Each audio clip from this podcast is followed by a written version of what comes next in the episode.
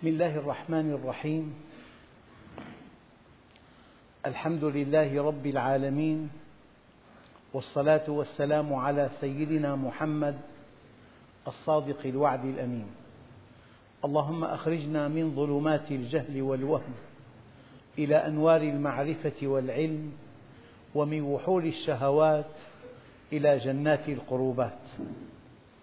أيها الإخوة الكرام مع الدرس الثالث عشر من دروس سورة التوبة ومع الآية الثالثة عشرة وهي قوله تعالى ألا تقاتلون قوما نكثوا أيمانهم وهموا بإخراج الرسول وهم بدؤوكم أول مرة أتخشونهم فالله أحق أن تخشوه إن كنتم مؤمنين.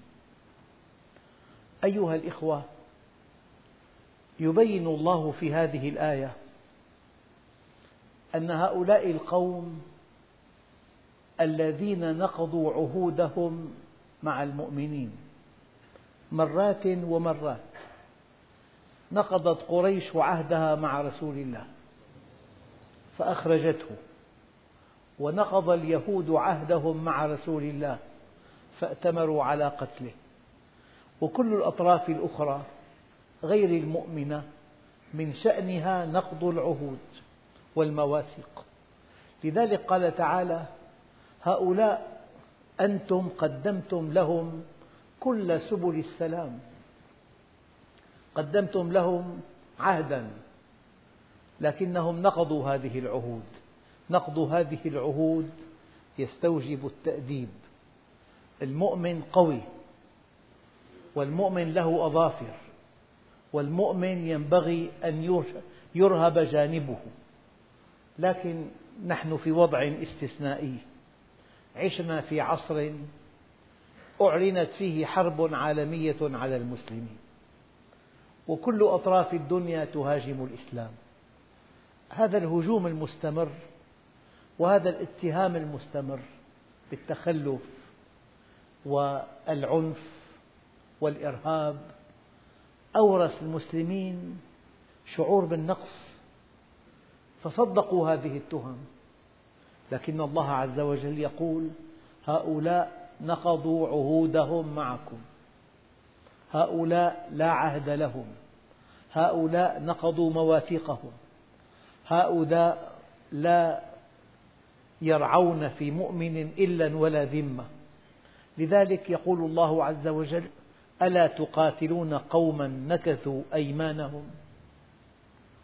يعني نحن تصورنا المؤمن دائما ضعيف دائما يعبر عن السلام والمحبة والوئام وأنه لا يتدخل بشأن الآخرين. هذه الثقافة جاءتنا من شدة الهجوم الذي انهال على المسلمين. لكن الحقيقة المؤمن قوي. والمؤمن عزيز والمؤمن يكفيه عزا أن الله معه. كأن الله لا يحبنا أن نستخزي أن نتطامن أن نخضع. ورد في بعض الآثار أنه من جلس إلى غني فتضعضع له ذهب ثلثا دينه. يعني دائما الإسلام سلم الإسلام محبة. كلام طيب لكن دائما سلم محبة والطرف الآخر يتفنن في حربنا وفي قهرنا وفي قتل شبابنا وفي احتلال أرضنا وفي نهب ثرواتنا والإسلام محبة ومحبة ومحبة وسلام وأنس. لا لا بد من قوة نظهرها لا بد من عزة نعتز بها. كأن الله عز وجل يثير فينا العزة. ألا تقاتلون قوما نكثوا أيمانهم وهموا بإخراج الرسول؟ الأقوياء اليوم يضربون يحتلون يقبضون على المقاتلين يحاكمونهم. هم أحرار فيما يفعلون. والمسلم إذا وقع في أسره جندي واحد تقوم الدنيا ولا تقعد.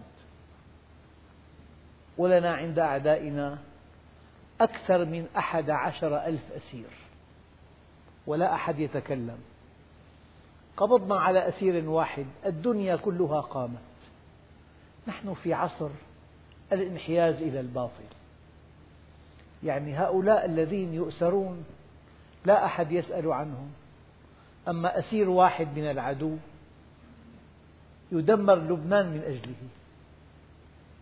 تدمر البنية التحتية من أجله. فلذلك ليس هناك منطق. يعني الذي يحاول أن يصنع مفاعل سلمي تقوم عليه الدنيا ولا تقعد. ويحاصر وتجري عليه حرب حصار اقتصادية. أما اللي قصف سفن تحمل مؤن لشعب محاصر وما في أي اتجاه قتالي لا أحد يتكلم ولا أحد ينتقد ولا أحد يندد. هي مشكلة.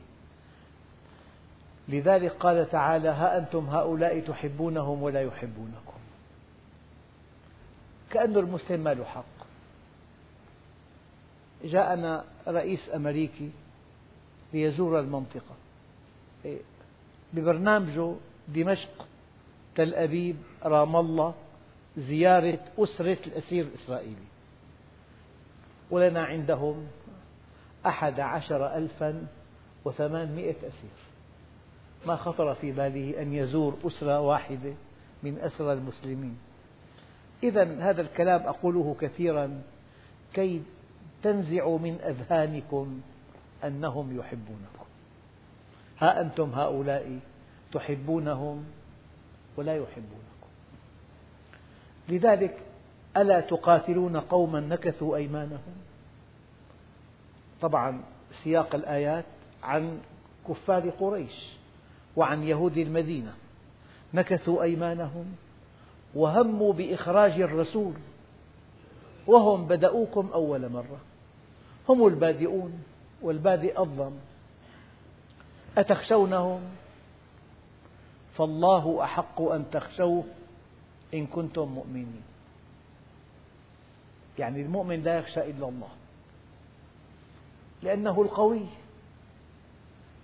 لا يخشى قوة دون قوة الله. إذا كان الله معك فمن عليك وإذا كان عليك فمن معك. بل يقرأ قوله تعالى فيطمئن كم من فئة قليلة غلبت فئة كثيرة بإذن الله والله مع الصابرين. إذا أي توجه إلى الخضوع بداعي أننا لا نملك أسلحة الطرف الآخر. هذا ضعف إيمان. ولا تهنوا ولا تحزنوا وأنتم الأعلون. إن كنتم مؤمنين. ومرة ثانية وثالثة ورابعة إذا كان الله معك فمن عليك وإذا كان عليك فمن معك. ألا تقاتلون قوما نكثوا أيمانهم؟ يعني يا عبادي أنا معكم. كأن الله سبحانه وتعالى في التاريخ المعاصر أعطانا جرعة منعشة. كيف أن إخوتنا في غزة هم عشرة آلاف. وقفوا لاثنين وعشرين يوما أمام أقوى جيش في المنطقة دون أن يستطيع هذا الجيش تحقيق أي هدف. هذه جرعة منعشة. كأن الله يقول لنا أنا موجود يا عبادي. ووعدي هو هو.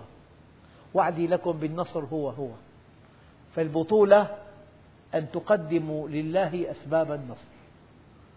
والآية الكريمة وعد الله الذين آمنوا منكم وعملوا الصالحات ليستخلفنهم في الأرض كما استخلف الذين من قبلهم وليمكنن لهم دينهم الذي ارتضى لهم وليبدلنهم من بعد خوفهم أمنا. زوال الكون أهون على الله من ألا يحقق وعوده للمؤمنين. هذه الآيات ينبغي أن ترفع معنوياتنا. وكان حقا علينا نصر المؤمنين. إنا لننصر رسلنا والذين آمنوا في الحياة الدنيا. وإن جندنا لهم الغالبون. ومرة ثانية زوال الكون أهون على الله. من ألا يحقق وعوده للمؤمنين. زوال الكون أهون على الله من ألا يحقق وعوده للمؤمنين.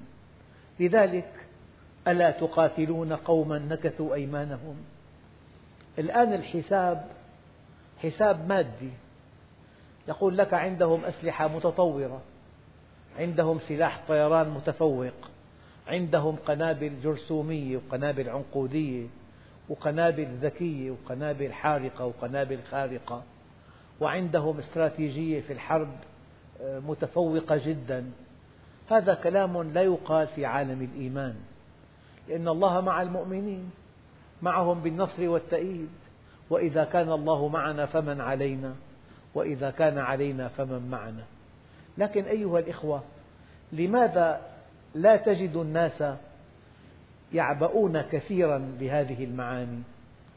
لأن المؤمن ما لم يكن مستقيما على أمر الله لا يستطيع أن يعتمد على هذه الآيات لا يثق بنفسه أبدا.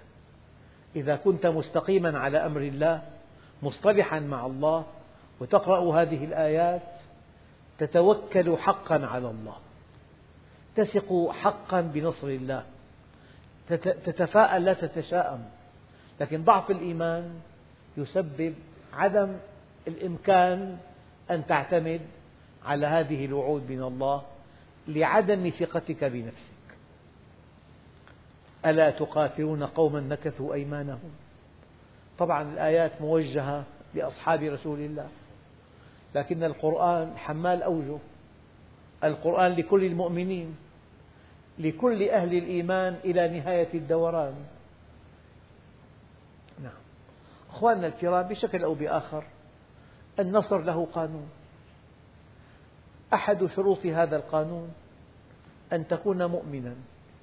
لقوله تعالى وكان حقا علينا نصر المؤمنين. أن تكون مؤمنا كما يريد الله عز وجل. أي إيمان ينصره الله عز وجل؟ الإيمان الذي ينقلب إلى سلوك. إلى طاعة إلى التزام إلى أن تكون وقافا عند حدود الله إلى أن تأتمر بما أمر الله إلى أن تنتهي عما عنه نهى وزجر. هذا الإيمان الذي ينقلك إلى الحركة إلى الالتزام إلى أن تكف عما نهاك الله عنه إلى أن تفعل ما أمرك الله به. هذا الإيمان أحد أكبر أسباب النصر. لكن المشكلة أن كل مسلم على وجه الأرض يدعي أنه مؤمن. كل مسلم على وجه الأرض يدعي أنه مؤمن. وهو ليس كذلك بدليل أنه لا يستقيم على أمر الله. يعني كلمة, قرآن كلمة إيمان في الأصل إنسان عرف الله فإذا عرفه أطاعه ومن أعجب العجب أن تعرفه ثم لا تحبه. وأن تحبه ثم لا تطيعه. من لوازم الإيمان الطاعة. أما حال الآن ظاهرة ملايين مملينة مليار وخمسمئة مليون مسلم يحتلون أبرز منطقة في العالم مليئة بالثروات ومع ذلك الشعوب الإسلامية هم أضعف شعوب الأرض وأفقرها بسبب ضعف إيمانهم وضعف ثقتهم بدينهم وضعف ثقتهم بوعود ربهم بسبب ضعف استقامتهم. هذا الواقع. لذلك أنت إذا قدمت لله أسباب النصر انتصرت. ولو كان عدوك قويا لأن الله أقوى منه. يعني الله عز وجل فوق كل خلق فيها. فوق كل قوي وأقوى الأقوياء بيده. والآية الدقيقة فكيدوني جميعا ثم لا تنظرون إني توكلت على الله ربي وربكم ما من دابة إلا هو آخذ بناصيتها إن ربي على صراط مستقيم. فكيدوني جميعا ثم لا تنظرون إني توكلت على الله ربي وربكم. ما من دابة إلا هو آخذ بناصيتها. إن ربي على صراط مستقيم. يعني كل القوى المخيفة في الأرض بيد الله. وأنت علاقتك ليس مع هذه القوى. علاقتك مع من يملكها. إنه الله. فإذا اصطلحت معه أبعدها عنك. وإذا قصرت في طاعته سمح لأحدها أن تقترب منك. هذه القصة كلها فلذلك أيها الإخوة الله عز وجل يدفعنا إلى أن نؤمن به الإيمان الذي يحمل على طاعته. فإذا آمنا إيمانا يحمل على طاعته عندئذ نعتمد على هذه الوعود من الله ألا تقاتلون قوما نكثوا أيمانهم؟ وهموا بإخراج الرسول وهم بدأوكم أول مرة.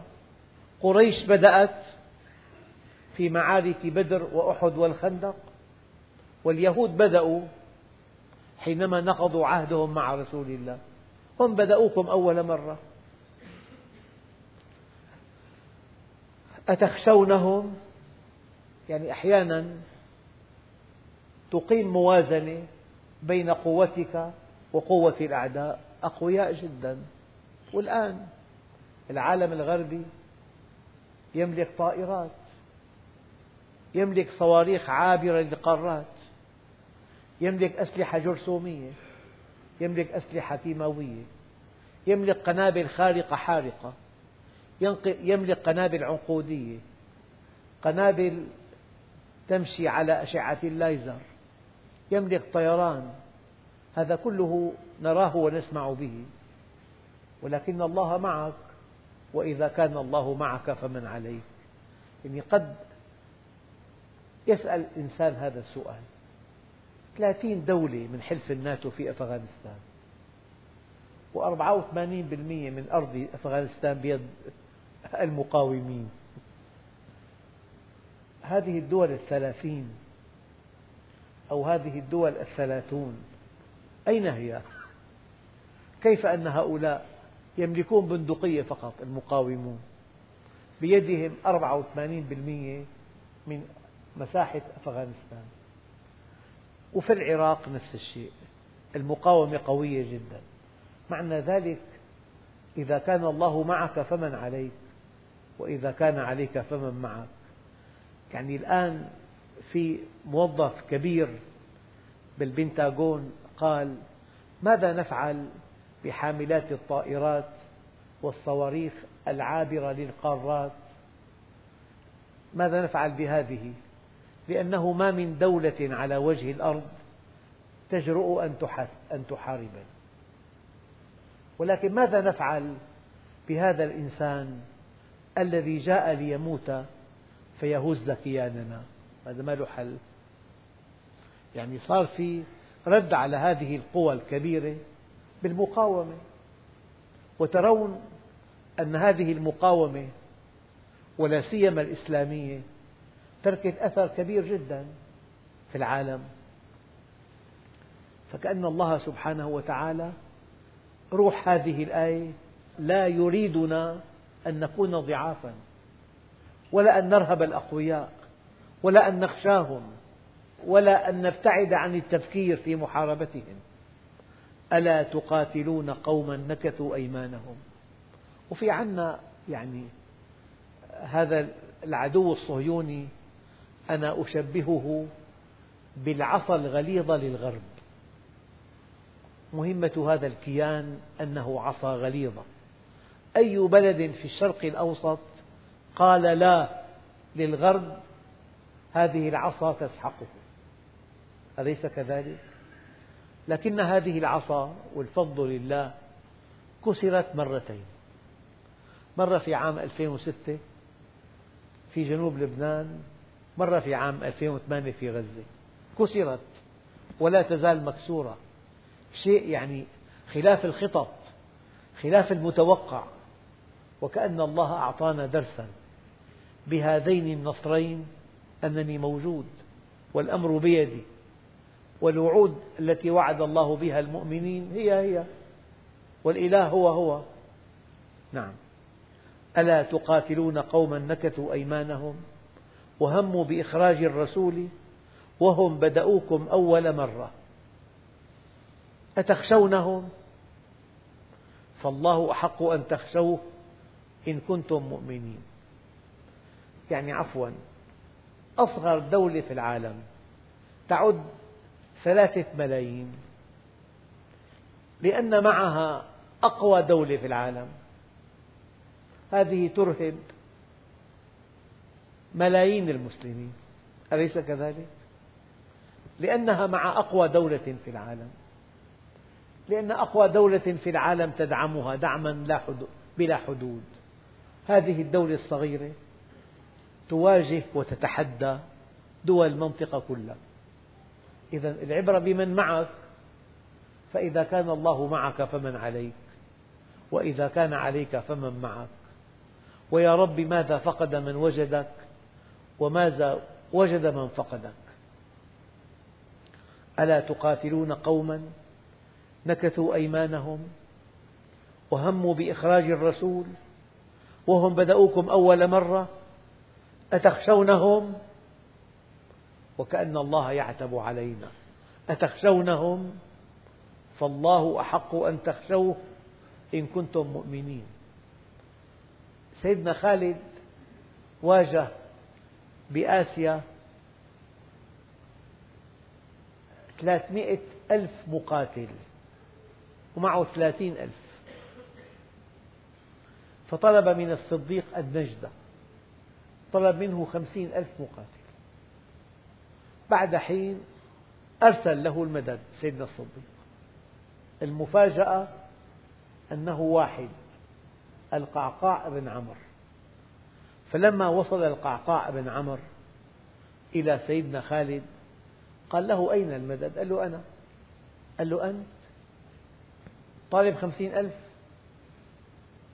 يرسل له واحد معه كتاب من سيدنا الصديق. في هذا الكتاب يا خالد والذي بعث محمدا بالحق إن جيشا فيه القعقاع لا يهزم. وانتصروا. ثلاثين ألف مع القعقاع واجهوا ثلاثمئة ألف.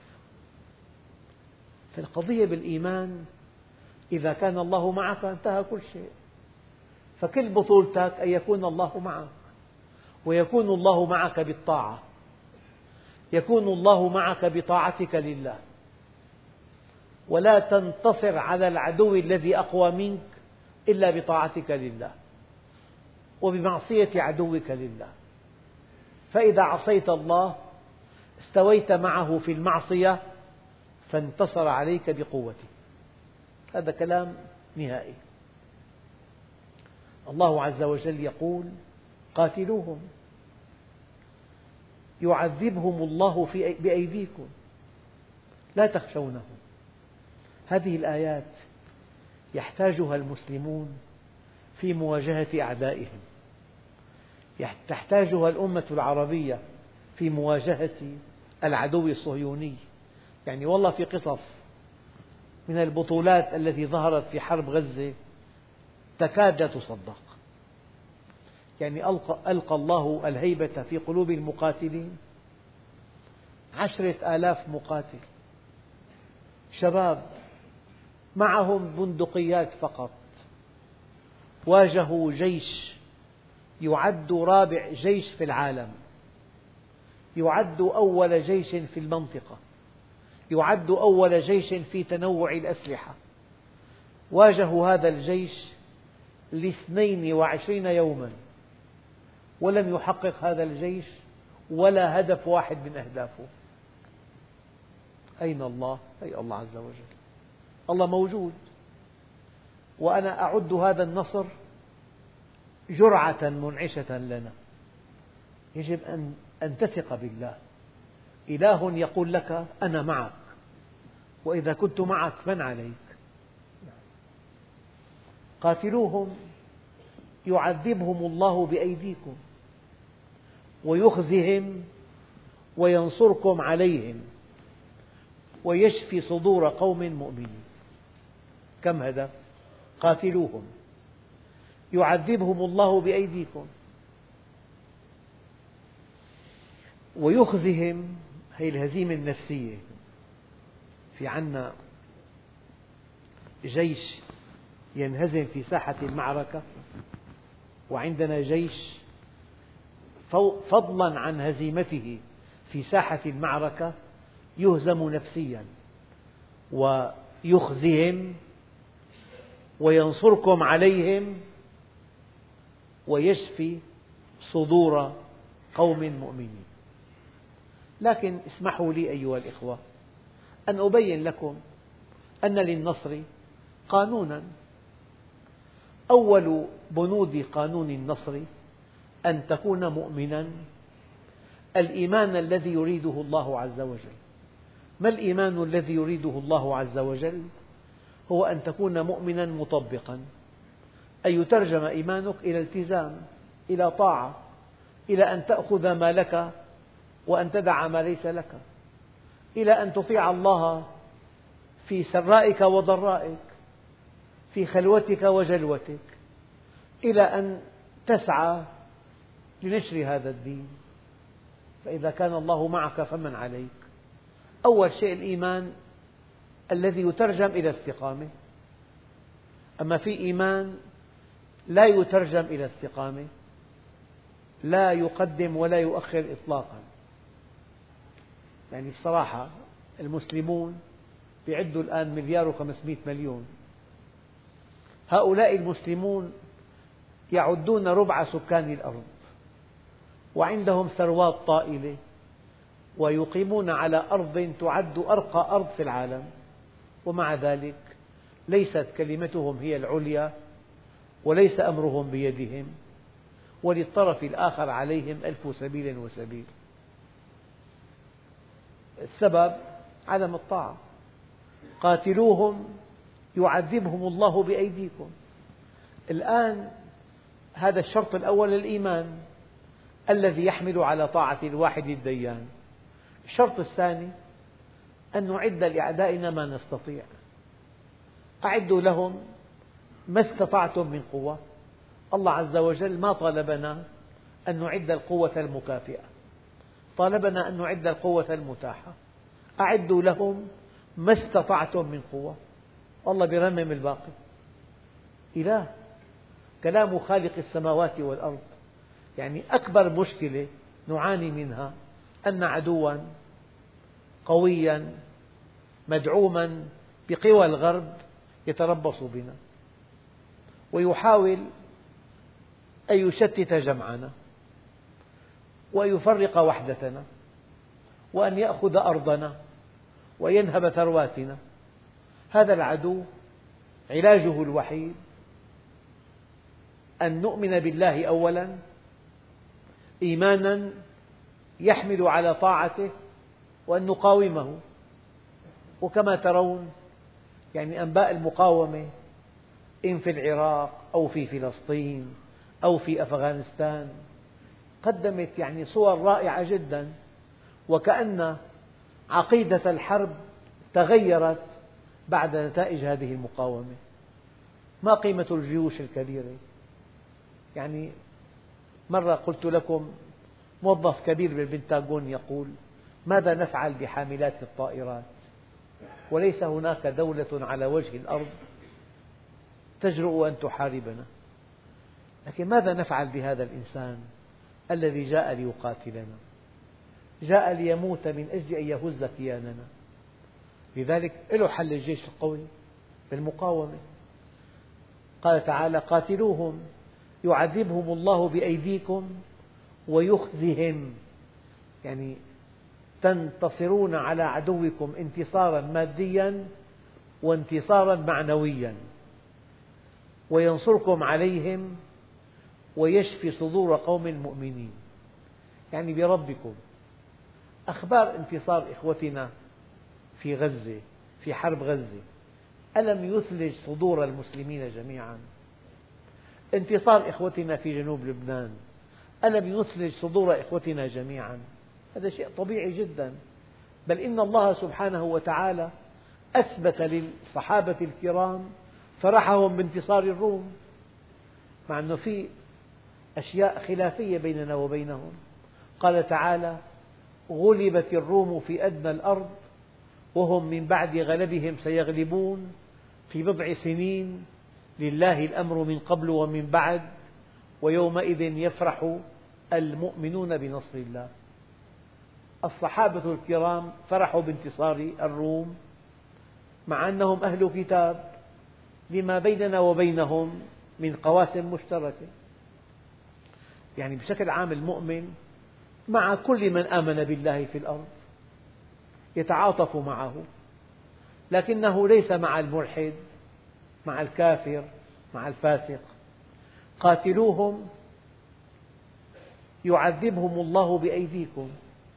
يعني الله عز وجل قادر أن يعذبهم من عنده بعذاب. في عنده صواعق عنده براكين عنده زلازل عنده موت معين عنده وباء معين. لكن أراد الله أن يكسبنا أجر القتال. ولو شاء ربك لانتصر منهم. ولكن ليبلو بعضكم ببعض. هذا الذي يريده الله عز وجل. قاتلوهم يعذبهم الله بأيديكم ويخزهم وينصركم عليهم ويشفي صدور قوم مؤمنين. يعني أنتم بتلاحظوا لو أنه في عمل إسلامي عسكري حقق نجاح كبير. تلاقي المسلمون في العالم يفرحون ينتشون ويومئذ يفرح المؤمنون بنصر الله. هذا فرح كبير. في أنت لك أهداف خاصة لك بيت لك مركبة لك أهل لك أولاد دخل. بس أنت إنسان تعيش في مجموع. هذا المجموع إذا ارتقى تسعد بهذا الرقي وإذا لم يرتقي تتألم. يعني عفوا. تتالي النكبات على أمتنا في هذا العصر أورثت ثقافة مؤلمة جدا. أنا أسميها ثقافة اليأس أو ثقافة الإحباط أو ثقافة الطريق المسدود. لكن لما رأينا ومضات من النصر انتصار إخوتنا في جنوب لبنان في غزة هذه الومضات المقاومة في أفغانستان في العراق هذه, المق... هذه الومضات أعطتنا راحة نفسية. هذه الراحة تبين أن المؤمن يفرح فرحا كبيرا بنصر الله ويشفي صدور قوم مؤمنين ويذهب غيظ قلوبهم ويتوب الله على من يشاء والله عليم حكيم. لأنه خلقنا وهو إلهنا. ويعلم من خلق. المؤمن يسعده النصر وتؤلمه الهزيمة. لذلك لما تتتالى الهزائم تنشأ حالة يأس أو حالة إحباط عند الأمة وهي حالة خطيرة جدا. لذلك أنا أقول دائما أخطر شيء أن يهزم المسلمون من الداخل من داخل نفوسهم. أما أية هزيمة طارئة من الخارج قد تنتهي بانتصار مبين. أما الهزيمة من الداخل هذه خطيرة جدا. هذه تصيب, تصيب الأمة بالإحباط. ويذهب غيظ قلوبهم ويتوب الله على من يشاء. والله عليم حكيم. ودائما وأبدا الله جل جلاله يريدنا أن نتفاءل. فإذا تبت إلى الله توبة نصوحة الله سبحانه وتعالى ينسيك الماضي كله. إذا رجع العبد إلى الله نادى مناد في السماوات والأرض أن هنئوا فلانا فقد اصطلح مع الله. يعني في وعود إلهية بالقرآن الكريم لكل مؤمن والذي, والذي أتمنى إيضاحه لكم. أن هذا الدين دين أفراد ودين جماعات في الوقت نفسه. الأمة إذا طبقته انتصرت. على عدوها ولو كان قويا. لكن لو أن الأمة لم, لم تطبق هذا الدين إذا لم تنتصر. أنت كفرد ماذا تعمل؟ أنت أيها الفرد المسلم لو طبقت أحكام هذا الدين وحدك لانتصرت. ولقطفت كل ثماره وحدك. يا أما في نصر جماعي إذا طبق هذا الدين من قبل جماعة الأمة أو في نصر فردي ينالك وحدك إذا اصطلحت مع الله. فأنت حاول أن يكون هذا الدين لكل الأمة. فإن لم تستطع فلا أقل من أن تكون أنت مؤمنا صادقا حتى تنتظر من الله العطاء ويذهب غيظ قلوبهم. معنى ذلك الهزيمة مؤلمة جدا ينشأ منها غيظ في القلب. والنصر يعطي القلب شفاء ويشفي صدور قوم مؤمنين ويتوب الله على من يشاء على من يشاء تعود على الإنسان. أي إنسان شاء التوبة وقدم أسبابها هي العلم والندم والإقلاع. علم ندم إقلاع. أو التوبة علم وحال وعمل. إذا قرأت عن هذا الدين العظيم إذا طلبت العلم عرفت أين ذنبك وأين خطأك. فالعلم طريق التوبة. والندم الحال النفسي الذي يرافق العلم. والإقلاع هو النتيجة. أن تقلع عن هذا الذنب إقلاعا كليا. فالتوبة علم وحال وعمل. ف ويتوب الله على من يشاء. تندم تقلع. تعلم تندم تقلع. يتوب الله على من يشاء. والله عليم حكيم. أيها الإخوة عجيب الأمر. كلما قرأنا بعض الآيات جاء الباب باب الخلاص وهو التوبة. لاحظت في هذه السورة كل مجموعة آيات تحوم حول موضوع ينتهي هذا الموضوع بفتح باب التوبة. مهما تكن في شرك في كفر لا سمح الله في معصية في نفاق ويتوب الله على من يشاء. والله عليم حكيم وما أمرنا أن نتوب إليه إلا ليقبل توبتنا وما أمرنا أن ندعوه إلا ليستجيب لدعائنا فلذلك ويتوب الله على من يشاء والله عليم حكيم علمه بتوبتك الصادقة وحكمته بقبول هذه التوبة هو سبيل خلاصنا والحمد لله رب العالمين.